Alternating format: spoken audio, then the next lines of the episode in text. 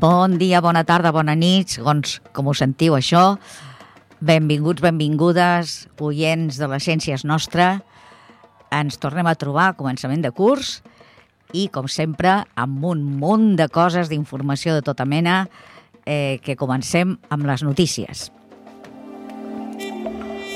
Doncs un grup d'investigadors de Canadà sembla que han trobat eh, la clau per curar la preeclàmpsia. La preeclàmpsia és una malaltia eh, bastant, bastant greu eh, que pateixen algunes dones eh, gestants. Eh, entre altres coses, doncs, és una pujada de pressió sanguínia molt forta, eh, malestar de, de, de moltes menes, caiguda de nivells de proteïna a l'orina, edema pulmonar... bueno, pot arribar a ser mortal, o sigui, no, no és poca cosa.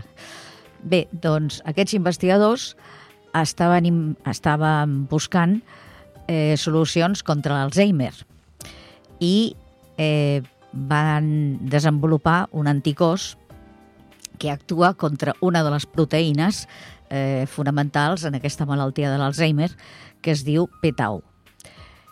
I eh, van adonar que aquesta proteïna PTAU també està present a la preeclàmpsia i doncs se'ls va acudir, mira, provem a veure si això també serveix per aquesta, per aquesta altra cosa eh, bueno, eh, sabeu que els estudis normalment els fan d'entrada amb ratolins i, efectivament, doncs sí, aquests ratolins, model, eh, es van, van respondre al medicament, es van, es van curar.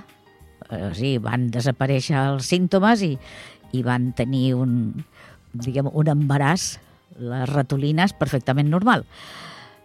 Eh, per tant, doncs, bueno, és, és una cosa molt, molt interessant. Evidentment s'han de fer estudis amb humans, però mm, és, és un punt interessant per avançar. Una altra de medicina. Doncs una nena de 8 anys que s'ha convertit en la primera que li han pogut trasplantar un ronyó sense haver-li de donar eh, medicaments contra, contra el rebuig. Eh, sabeu que això, normalment la gent de, que, està, que se li ha de fer un trasplant doncs han de prendre una sèrie de medicaments eh, perquè el cos no rebutgi aquest element que, que el reconeix com a estrany. Llavors, el que es fa és disminuir les defenses, el sistema immunitari, però clar, evidentment, això té altres problemes. Doncs, bueno, per primera vegada aquesta, aquesta nena han pogut fer que no necessiti tot això. Com s'ho han fet? Doncs primer li han trasplantat eh, cèl·lules mare estretes de la mèdula òssea de la seva mare i llavors al cap d'un temps li han trasplantat el ronyó i llavors el cos ja l'ha reconegut com si fos seu, com si no fos una, un cos estrany. Això mm, doncs, eh, evidentment, és també una porta eh, oberta per eh, veure de, fe, de fer que servir aquesta tècnica eh, per molts més trasplantaments i de gent de tota edat. Interessant. Doncs un altre que també de, de medicina i després prometo que parlarem d'altres temes, no serà tot medicina. Però és que és interessant també. A veure, hi ha una malaltia que els agafa els petitons, els nadons, que és un virus respiratori, es diu virus respiratori sincital, que per una persona gran doncs, pot ser com un refredat, però per un bebè doncs, eh, pot ser mortal, simplement. Eh, bé, és un virus, per tant, doncs, eh, s'ha de buscar alguna mena de vacuna. Però clar, eh, s'ha de buscar una vacuna que sigui, diguem, molt suau, que no pugui fer mal al bebè o... Doncs com s'ho han fet? Doncs han agafat, eh, han agafat parts del virus, que vol dir que no és eh, ni un virus atenuat ni mm, com era el normal, sinó que són només trossos de virus, que per tant no són patògens, no, no poden fer mal, i llavors els posen aquesta injecció a les mares.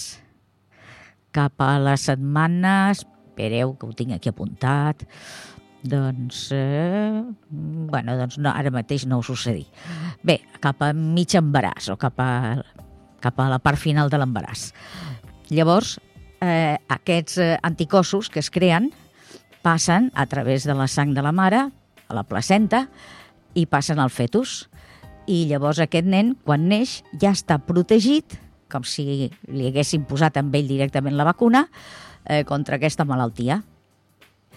I com que no és un virus sencer, com que són només unes parts de virus, doncs eh, no li pot crear, eh, bueno, no, no pot tenir efectes contraproduents, és una cosa molt suau, per tant, interessant. I bé, ara ja, veus, passem a un altre tema. Passem a un tema de medi ambient i nutrició i, bueno, i altres... Eh, i política.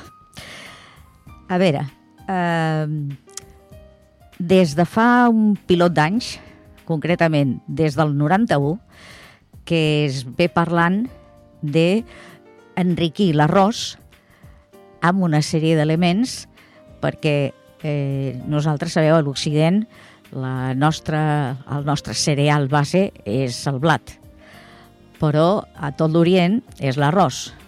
Llavors, què passa? Sobretot quan es tracta d'arròs blanc, doncs pràcticament allò té midó i, i poca cosa més i sobretot doncs, li falten moltes vitamines i, i clar, doncs, una alimentació basada en, això, en aquest arròs és deficitària. Llavors, eh, uns científics van, van tenir la idea de, mm, de fer un arròs transgènic de manera que tingués més contingut amb beta-carotens. És allò que, per exemple, que li dona color taronja a les pastanagues. Bé, parlem de transgènics, per tant, la cosa es complica, perquè ja sabeu que hi ha gent que hi està totalment en contra. bueno, doncs bé, eh, la idea surt al, ja us he dit, 1991, es posen a, a investigar, a treballar, a veure com, eh, proven amb, amb narcisos, amb gens de narcís, que és una flor groga, per tant, també té beta-carotens i intenten eh, posar els gens que, que originen aquests beta-carotens dins el, dins el DNA de l'arròs. Vale. Eh, després passen a fer-s'ho amb blat de moro i el blat de moro doncs, eh, funciona millor. L'arròs té encara més concentració de beta-carotens.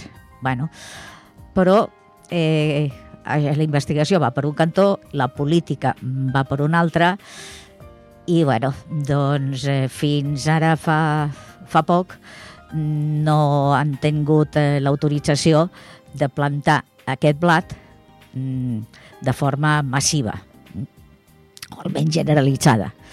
Eh, perquè ja sabeu, doncs, hi havia eh, la, diguem, la, la precaució, però la preocupació de que, ui, si aquest eh, plat eh, o arròs transgènic eh, pot eh, contagiar altres plantes, bueno, tot un munt de coses. Bé, al final s'ho han estudiat, ja veieu, des de, des de fa un pilot d'anys, i al final l'han autoritzat a Filipines. I bé, doncs eh, han tingut la primera collita, en plan així massiu, i aquest arròs doncs, eh, ja està començant a, a distribuir-se a, a alimentació per la gent i es veurà com, com això contribueix a, a millorar la salut de la població. I seguint l'exemple de Filipines, doncs també altres països eh, orientals eh, s'han bueno, atrevit a, a tirar endavant amb, amb aquest tipus d'arròs. Nosaltres aquí, els occidentals, eh, tenim una varietat d'aliments que no ens cal eh, fer això. Ara, probablement aquest arròs no l'arribarem a, a trobar al súper, si no és com una cosa de curiositat. Però eh, a molts països orientals doncs és un, un problema gros i és una solució que, bueno, que pot salvar la vida de molta gent. Eh, tira endavant. Doncs Eh, perdoneu, us he dit que no hi hauria més medicina. Sí, hi ha una altra de medicina, però és que hi ha coses de medicina que són molt interessants. Bé, una vacuna, però que funciona al revés. Me explico.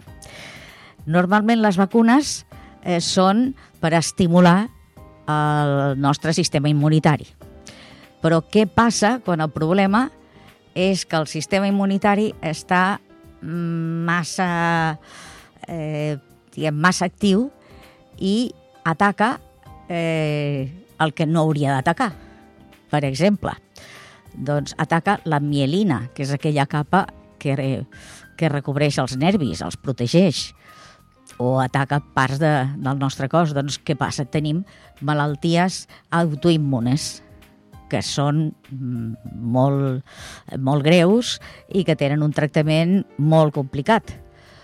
Eh, bueno, doncs per això eh, aquesta, aquest producte doncs, l'han anomenat, entre cometes, vacuna inversa. Mm? Eh, com funciona això?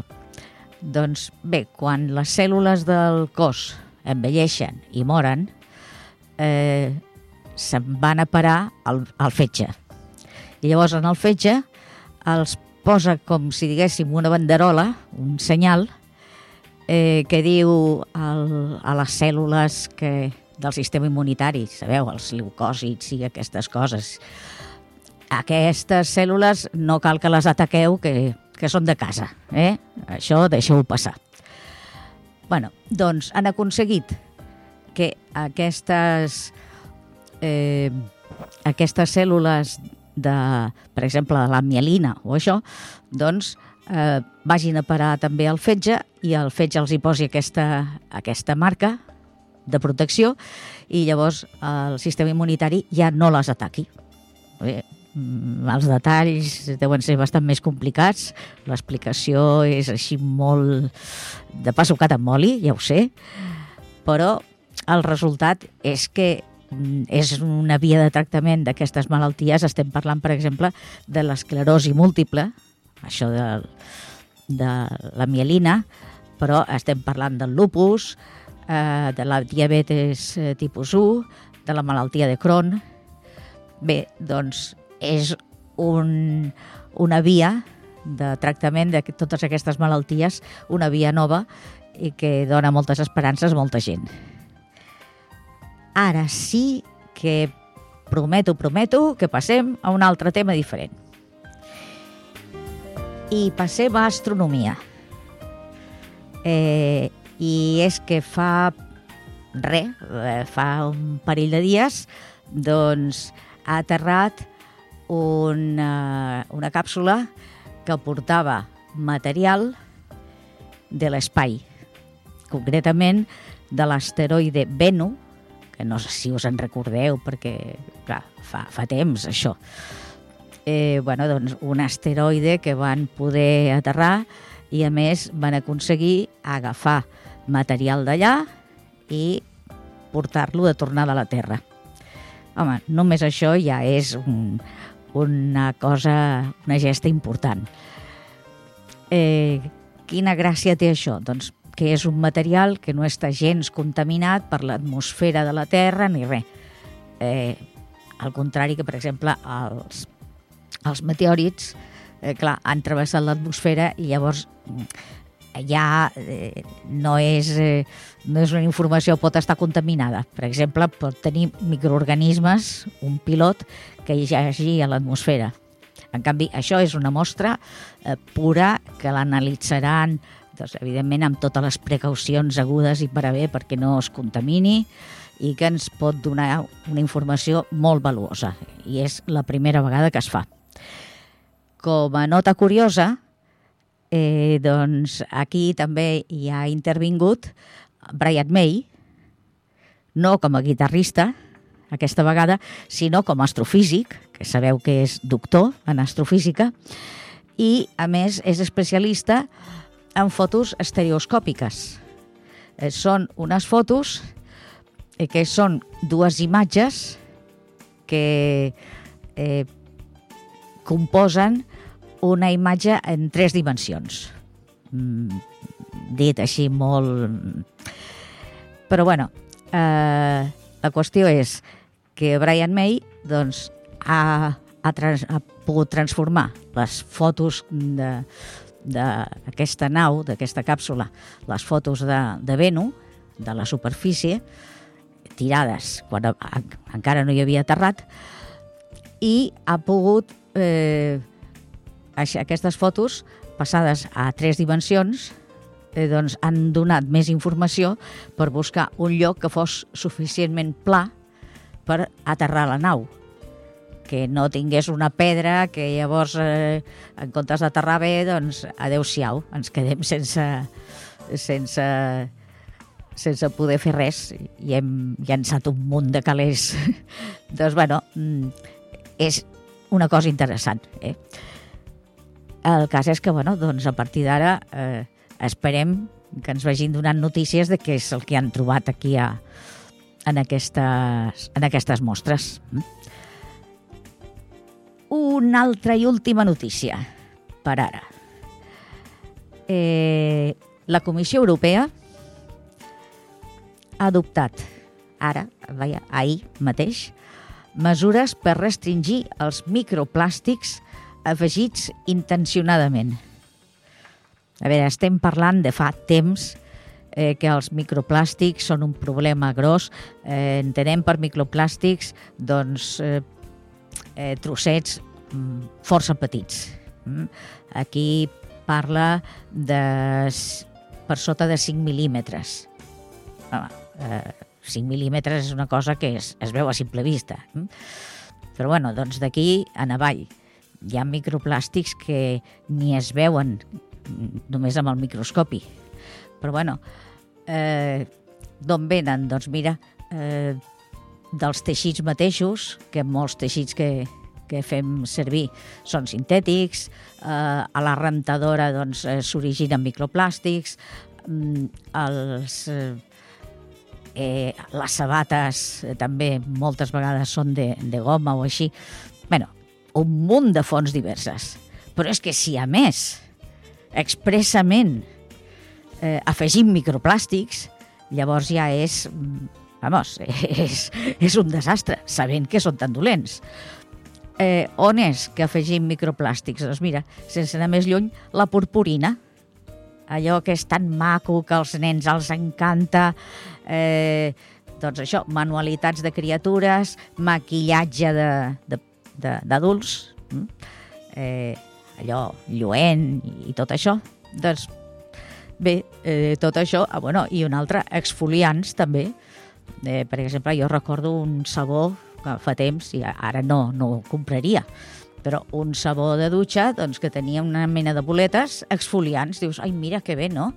bueno, doncs tot això queda prohibit perquè són una, una font de contaminació molt greu.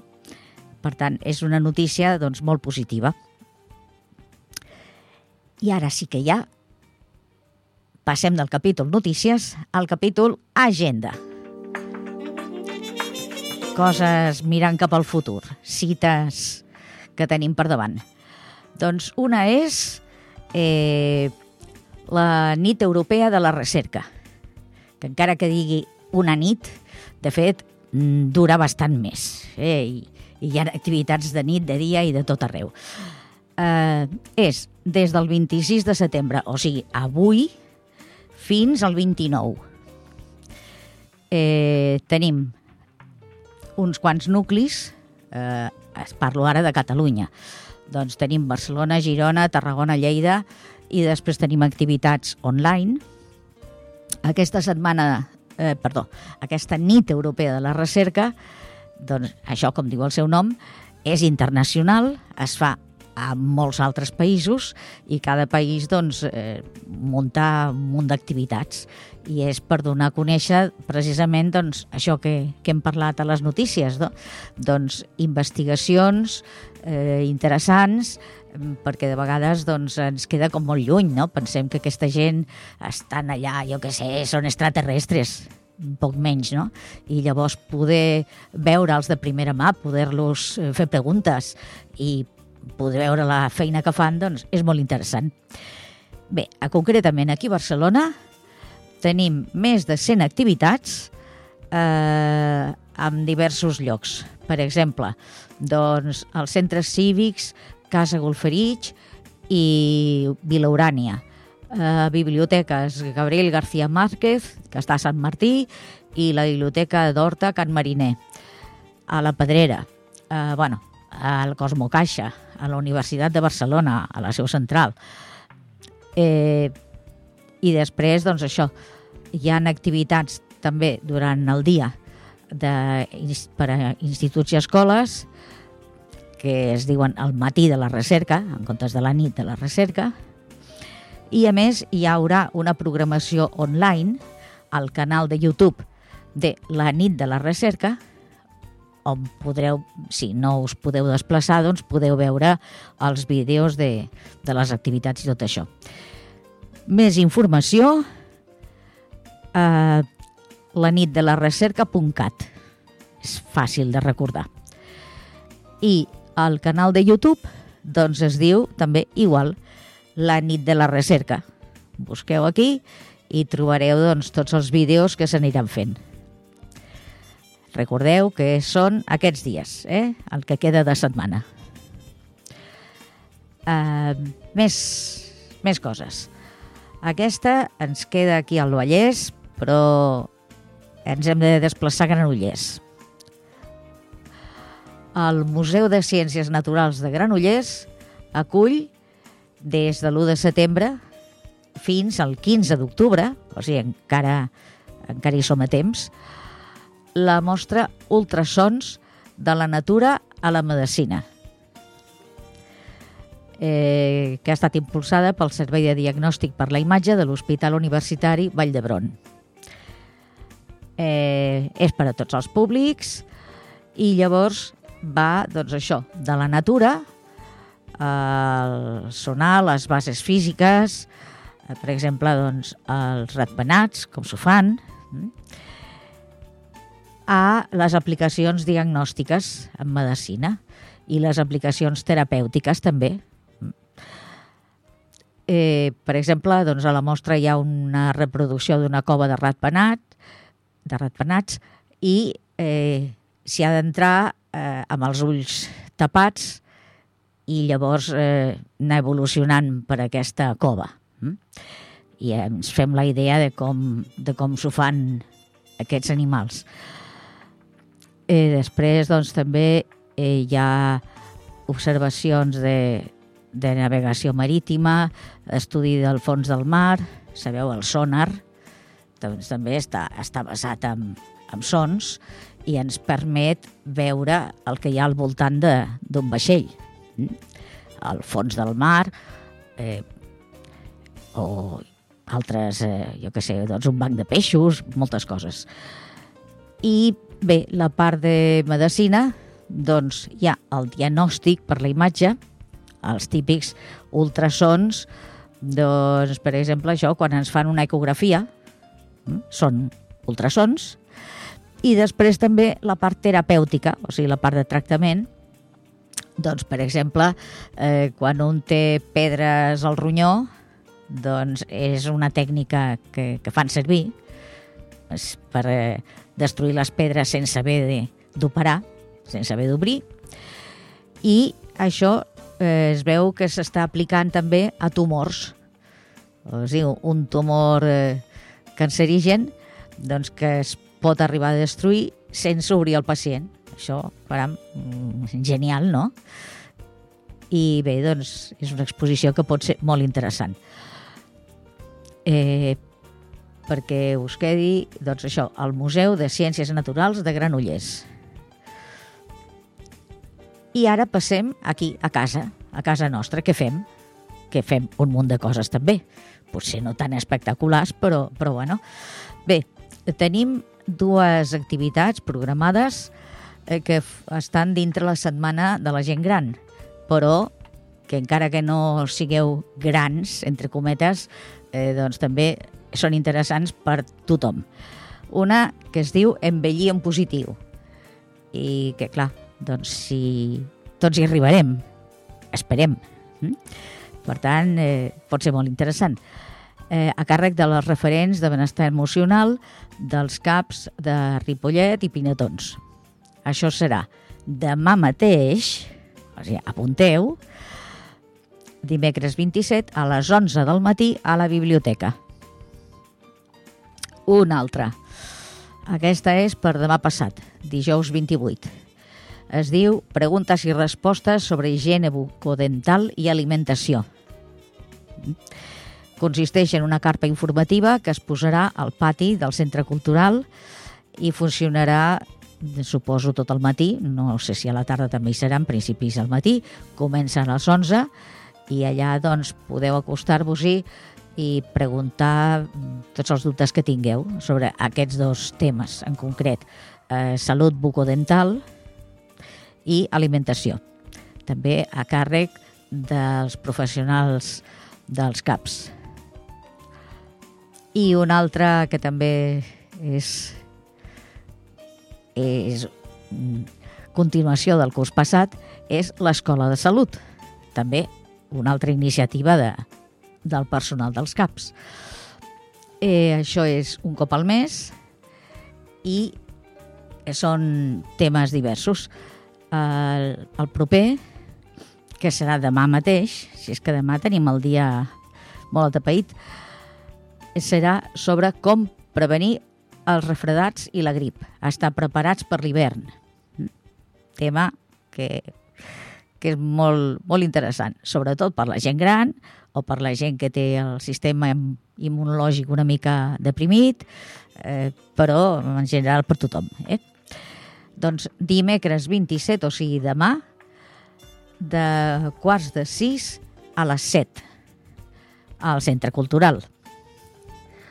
I com que aquesta serà després, eh, de, vamos, no, no hi serem a temps al programa d'octubre per anunciar-ho, perquè ja haurà passat, doncs anuncio també la sessió de l'octubre, eh, que serà el dia 18 d'octubre, també al mateix horari, eh, de quarts de 6 fins a les 7, i tractarà del càncer de mama.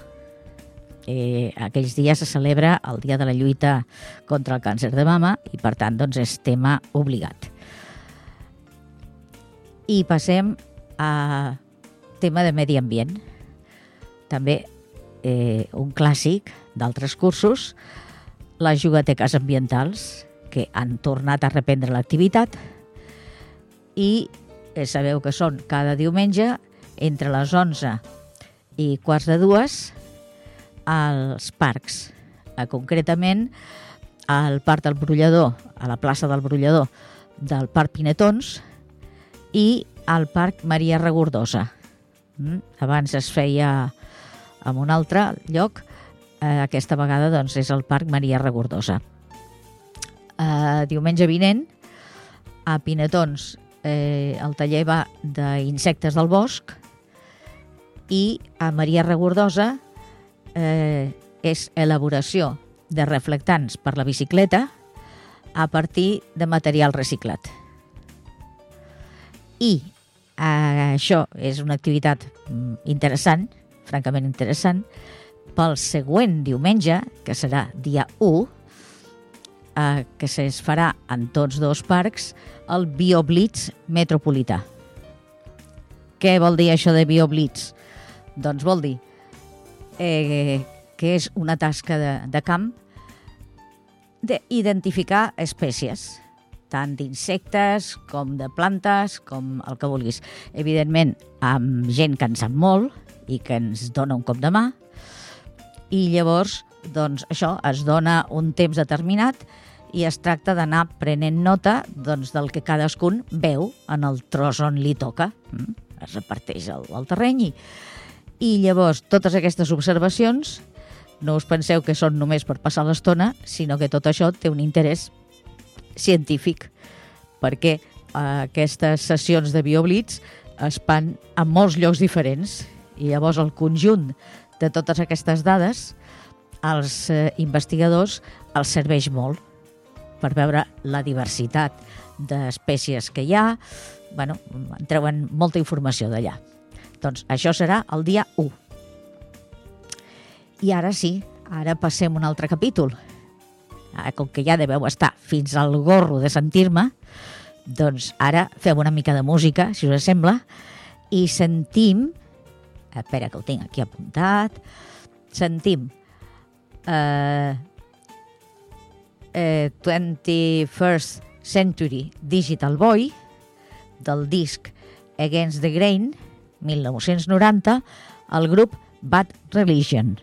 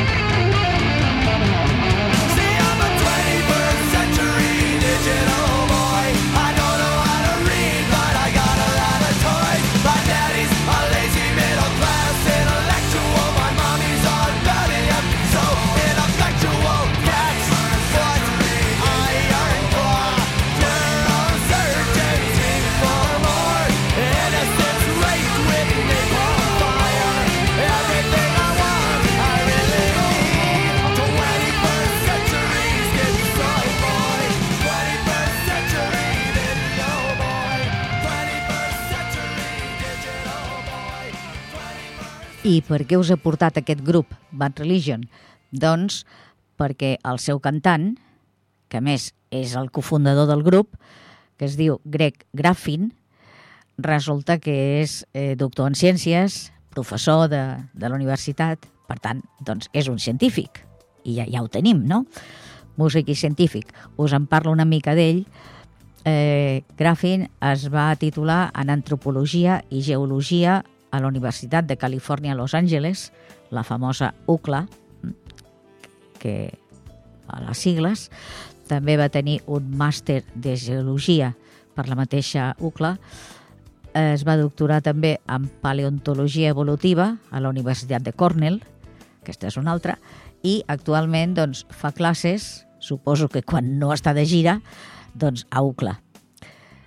Eh, a la part de música doncs eh, Griffin va formar Bad Religion el 1979, quan encara anava a l'escola, tenia 14 anys, i des de llavors ha passat clar, amb tot aquest temps que calculeu, per molts alts i baixos, molts canvis de, de personal, de, els que formen el grup, però bueno, doncs, aquí estan i aquí continuen al peu del canó. Eh, el primer disc va ser Bad Religion, i després van fer un altre disc que va ser famosíssim, que es deia Suffer, eh, 1988. Diuen que això, vaja, jo de música rock mm, no és la meva especialitat, però eh, doncs, eh, són coneguts pel seu estil sofisticat mm, de metàfores, vocabulari i d'altra banda doncs, har harmonies vocals i bueno, doncs, eh, té un estil molt propi la banda que l'anomenen hardcore melòdic que semblen dues coses eh, contraposades, doncs bueno, eh, basat en gran part en la melodia del folk i la força del punk. En fi, eh, ja dic, el millor és sentir-los si us agrada aquest estil, doncs endavant les atxes, no? I mira, doncs ser científic dona per molt, ja ho veiem. Passem als llibres i avui us en porto uns quants de ben variats. A veure, el primer que us en vull parlar, eh, avui no són llibres que probablement encara no estan a les biblioteques públiques perquè són d'estrena, però penso que, que valen la pena. El primer és d'en Roger de Gràcia, que el coneixem prou de la tele, de la ràdio, i ha escrit Digue'm boig. Editorial Columna Edicions. Doncs bé, és una història de salut mental en primera persona. Oi que sembla que el tio bueno, és d'allò superllançat i, i està com un gínjol? Doncs mira, doncs no. Doncs resulta que ha tingut una època de depressió bastant forta i ens ho explica. A més, té, té els nassos de parlar en primera persona d'això. I bé, és un llibre eh, ple d'humor, autoparòdia, i sinceritat i és un cant de dolor però també un crit d'esperança mm, per donar veu a molta gent que no s'atreveix a parlar d'aquests temes i bueno, doncs cal, cal parlar de salut mental i cal eh, treure-li l'estigma d'això de, de és un boig mm? bueno, un altre que parla també de, de coses de, de neurociència, però de les plantes. Ah? Paco Calvo i Natalie Lorenz, Planta Sapiens. Editorial Seix Barral, eh, acabat de sortir d'impremta. Aquest llibre, Planta Sapiens, ens ofereix una perspectiva creativa i audaç sobre la biologia vegetal i la ciència cognitiva. Eh, a veure, no són elucubracions eh, allò mm, extraterrestres. Eh, partint d'experiments eh, realitzats amb les tecnologies més avançades, però experiments reals, científics, eh, doncs ens convida a pensar el món natural d'una manera radicalment diferent. Eh, L'autor eh, doncs ja us he dit, eh, l'autor principal és en Paco Calvo, és catedràtic de Lògica i Filosofia de la Ciència, director del Laboratori d'Intel·ligència Mínima, MINT Lab, de la Universitat de Múrcia, membre del Comitè Científic del Laboratori Internacional de Neurobiologia Vegetal, amb seu a Florència, o sigui, és una personalitat i una autoritat eh, en la matèria. No, no us penseu que, i llavors explica coses tan al·lucinants eh, que, que ens fan eh, girar el, el cap, com, per exemple, doncs, hi ha plantes capaces de manipular les ments de les criatures que els envolten. Per exemple, algunes tomaqueres eh, produeixen substàncies químiques quan les ataquen, les erugues. Llavors, aquestes substàncies fan que les plantes tinguin un gust repugnant, i clar, llavors les orugues ja no se les mengin. Però és que, a més, aquestes substàncies viatgen per l'aire i avisen les plantes del voltant, que no estan sent atacades directament, perquè comencin a fabricar també aquestes substàncies amargues. O sigui, no només la planta que està atacada, sinó les del voltant també. Mm? I a més, eh, aquestes substàncies, a més de tenir un gust espantós, fan que les orugues es tornin caníbals i es mengin les unes a les altres. O sigui, té la marinera amb les tomaqueres, eh? La primera vegada que en veia una, no li feu mal, no fos cas que, que se'n torni. Bé, doncs la missió del científic, això és una observació que s'han fet. Ara, la missió del científic és aclarir si això és una adaptació evolutiva, eh, una reacció, mm, com diguem, mecànica, o eh, implica algun tipus de pensament per part de la planta. Eh, altres efectes que s'han observat.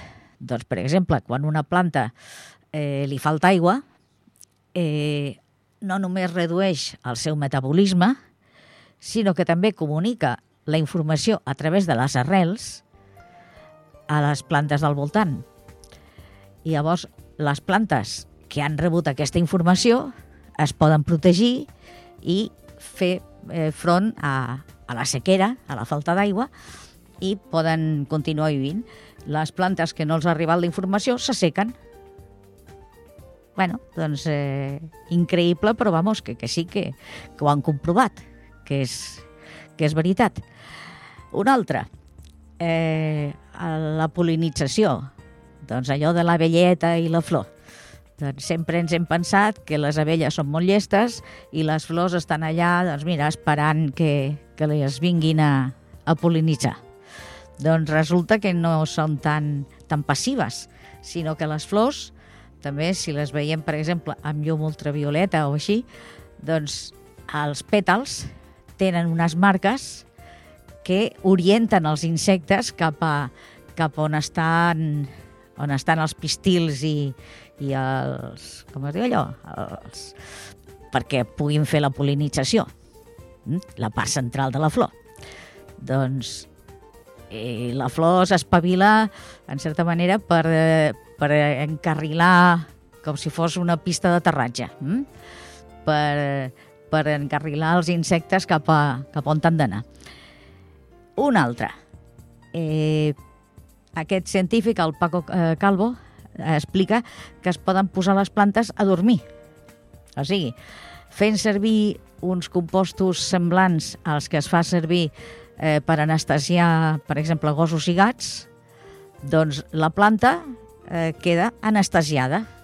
Per exemple, doncs les mimoses, que hi ha una, una mimosa concretament que es diu mimosa púdica, que quan toques les fulles eh, es tanquen, doncs quan està anestesiada la pots tocar i no reacciona. Mm? Eh, fins i tot deixen de fer la fotosíntesi, com si estigués eh, hivernant. I quan els passa l'efecte de, de l'anestèsia, doncs tornen a, a recuperar l'activitat normal.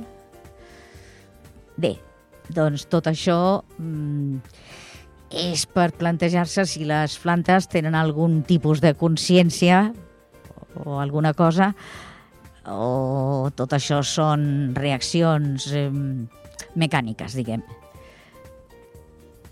Eh, conclusió, els vegetarians ho teniu, ho teniu bastant, bastant malament, perquè si resulta que les pastanagues també pensen, doncs, bueno, en fi, entre bromes i veres, és, és un tema interessant, francament interessant.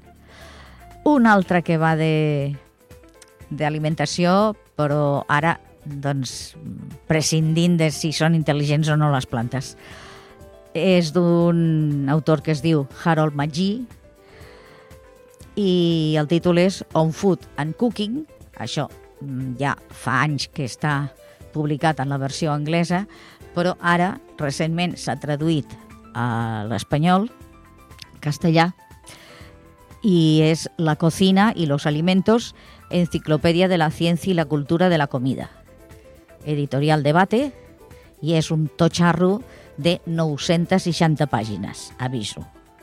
O sigui, mm, és un llibre de referència, però es veu que és, vaja, com la Bíblia de, de o, o l'enciclopèdia de espasa de tot el que té a veure amb alimentació i, i cuina i tot això.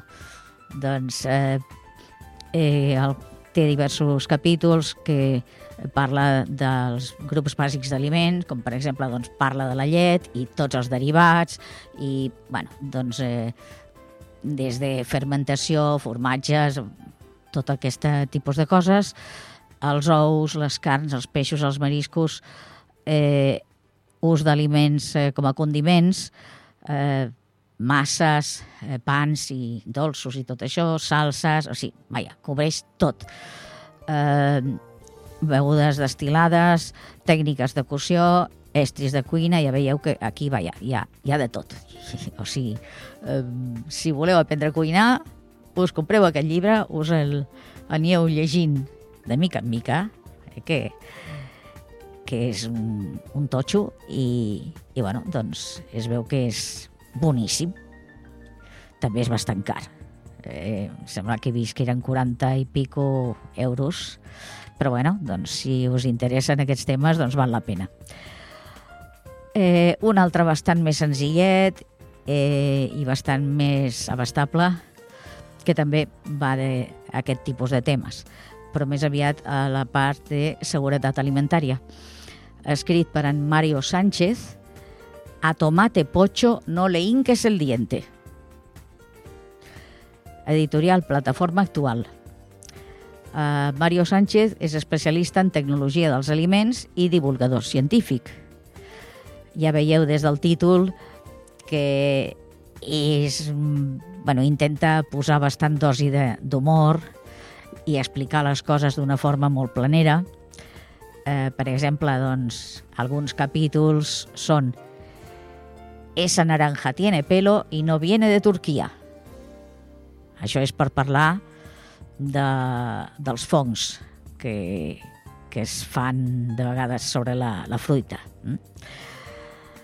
Por una vez en la vida no te comas todo lo negro, que és per parlar d'acrilamida, doncs això, de vegades les torrades que se'ns han cremat o, el, o la carn que està recremada i tot això negre i que, que de vegades dius oi, és que això és molt gustós. Bueno, sí, però compte perquè si et dediques a menjar-te tota aquesta part recremada, a la llarga pots tenir problemes. Mm? Perquè l'acrilamida doncs, és una substància eh, cancerígena home, amb dosis elevades. Eh? Per un cop no passa res, però anem amb una mica de precaució. I un altre, eh, per exemple, doncs, filete poco hecho, intoxicació alimentària pel pecho. Doncs, bueno, sobretot la carn de pollastre. Eh, doncs no és gens convenient eh, menjar-se-la mig crua. O sigui, un tartar de pollastre, no. Eh, el pollastre s'ha de cuinar. I bé, doncs ja veieu que és un llibre molt amè, i que ens dona també, entre broma i broma, en dona molta informació. Doncs bé, hem arribat a la part final. A veure, eh, l'altre dia, a la festa major, mm, algú em va comentar, ostres, allò de la velocitat de la llum, i és que estàvem al final i no us ho vaig poder explicar eh, bé, eh, ho vaig explicar a correcuita i, i bueno, doncs no pot ser. Per tant, eh, reprenc el tema, o sigui, la qüestió era eh, fer un càlcul aproximat de la velocitat de la llum, que sembla que és una cosa tan així super cientifiquíssima, complicadíssima, amb un i, per exemple, doncs, una barra de regalèsia negra o alguna cosa que es pugui fondre. Mm? Millor que siguin aliments, perquè clar, fent servir el microones que després el farem servir per menjar. O sigui, no hi fiquem plàstic, per exemple, que després eh, podria, podria deixar anar coses mm, inconvenients. Eh? bueno, doncs molt bé. La qüestió és senzillíssima. O sigui, treus el plat perquè no ens destorbi. El plat sabeu que va girant i llavors el que fa és que les microones eh, vagin, vagin tocant l'aliment més o menys tot per igual. Doncs vale, ara no volem això, volem tot el contrari. Agafem la regalèssia o, o, o el formatge o el que sigui i el posem en el, a dintre del microones enganxat al, a la part de baix de manera que estigui eh, paral·lel a la porta. Vale. Posem a, a intensitat mínima perquè que no es cremi massa per anar controlant i molt bé, doncs veurem que eh, l'aliment que hi hem posat doncs, eh, es, va fon, es va fonent però per zones zones que es van com cremant i en canvi zones que no estan gens cremades. Molt bé, quan ja ho estiguin marcat ja ho podem treure i llavors mesurem doncs, per exemple, de vall a vall. O sigui, dues zones que no estiguin gens tocades. Vale. Eh, per exemple, eh, posem que fa 6 centímetres. Molt bé, doncs ja tenim una dada. Aquests centímetres els hem de passar a metres. Ara, després ho farem. Eh, una altra dada que necessitem és la freqüència de treball del microones. Això està amb una plaqueta a dintre del mateix aparell o a darrere, però ho trobareu segur. I ens donarà, per exemple, doncs, alguna cosa així com 2.450 eh, megahertz. MHz. Eh, què són això dels megahertz? Bueno, d'entrada, un megahertz són un milió d'hertzos, o d'hertz, això no té plural. I què és un hertz? Doncs és un cicle per segon. Vale.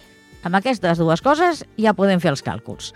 Ara només és posar les unitats de manera que, que siguin coherents.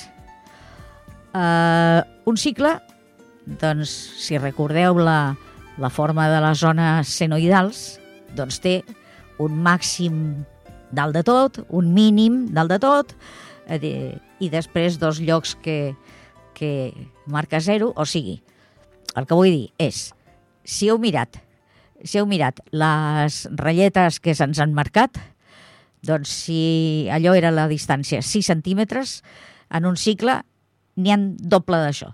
Per tant, seran 12 centímetres. Passat a metres, són 0,12. Mm? Calcularem en metres per segon. Molt bé. Llavors, aquest 0,12 l'hem de multiplicar per la freqüència de treball de, de l'aparell passada a hertz, que vol dir 2.450 per un milió. I ja està, ja ho tenim. I això, per exemple, doncs ens dona eh, 294.000 eh, quilòmetres per segon. bueno, està bastant a la vora dels 300.000 quilòmetres per segon, que és, eh, ens sona molt que és eh, la velocitat de la llum. Home, per haver-ho fet eixamplar en casolà, doncs mira, està, està bastant bé. Mm? Eh, bé, i ja, la última, ultimíssima, no, no ens hi cap la última. bueno, doncs fins al mes vinent i a reveure.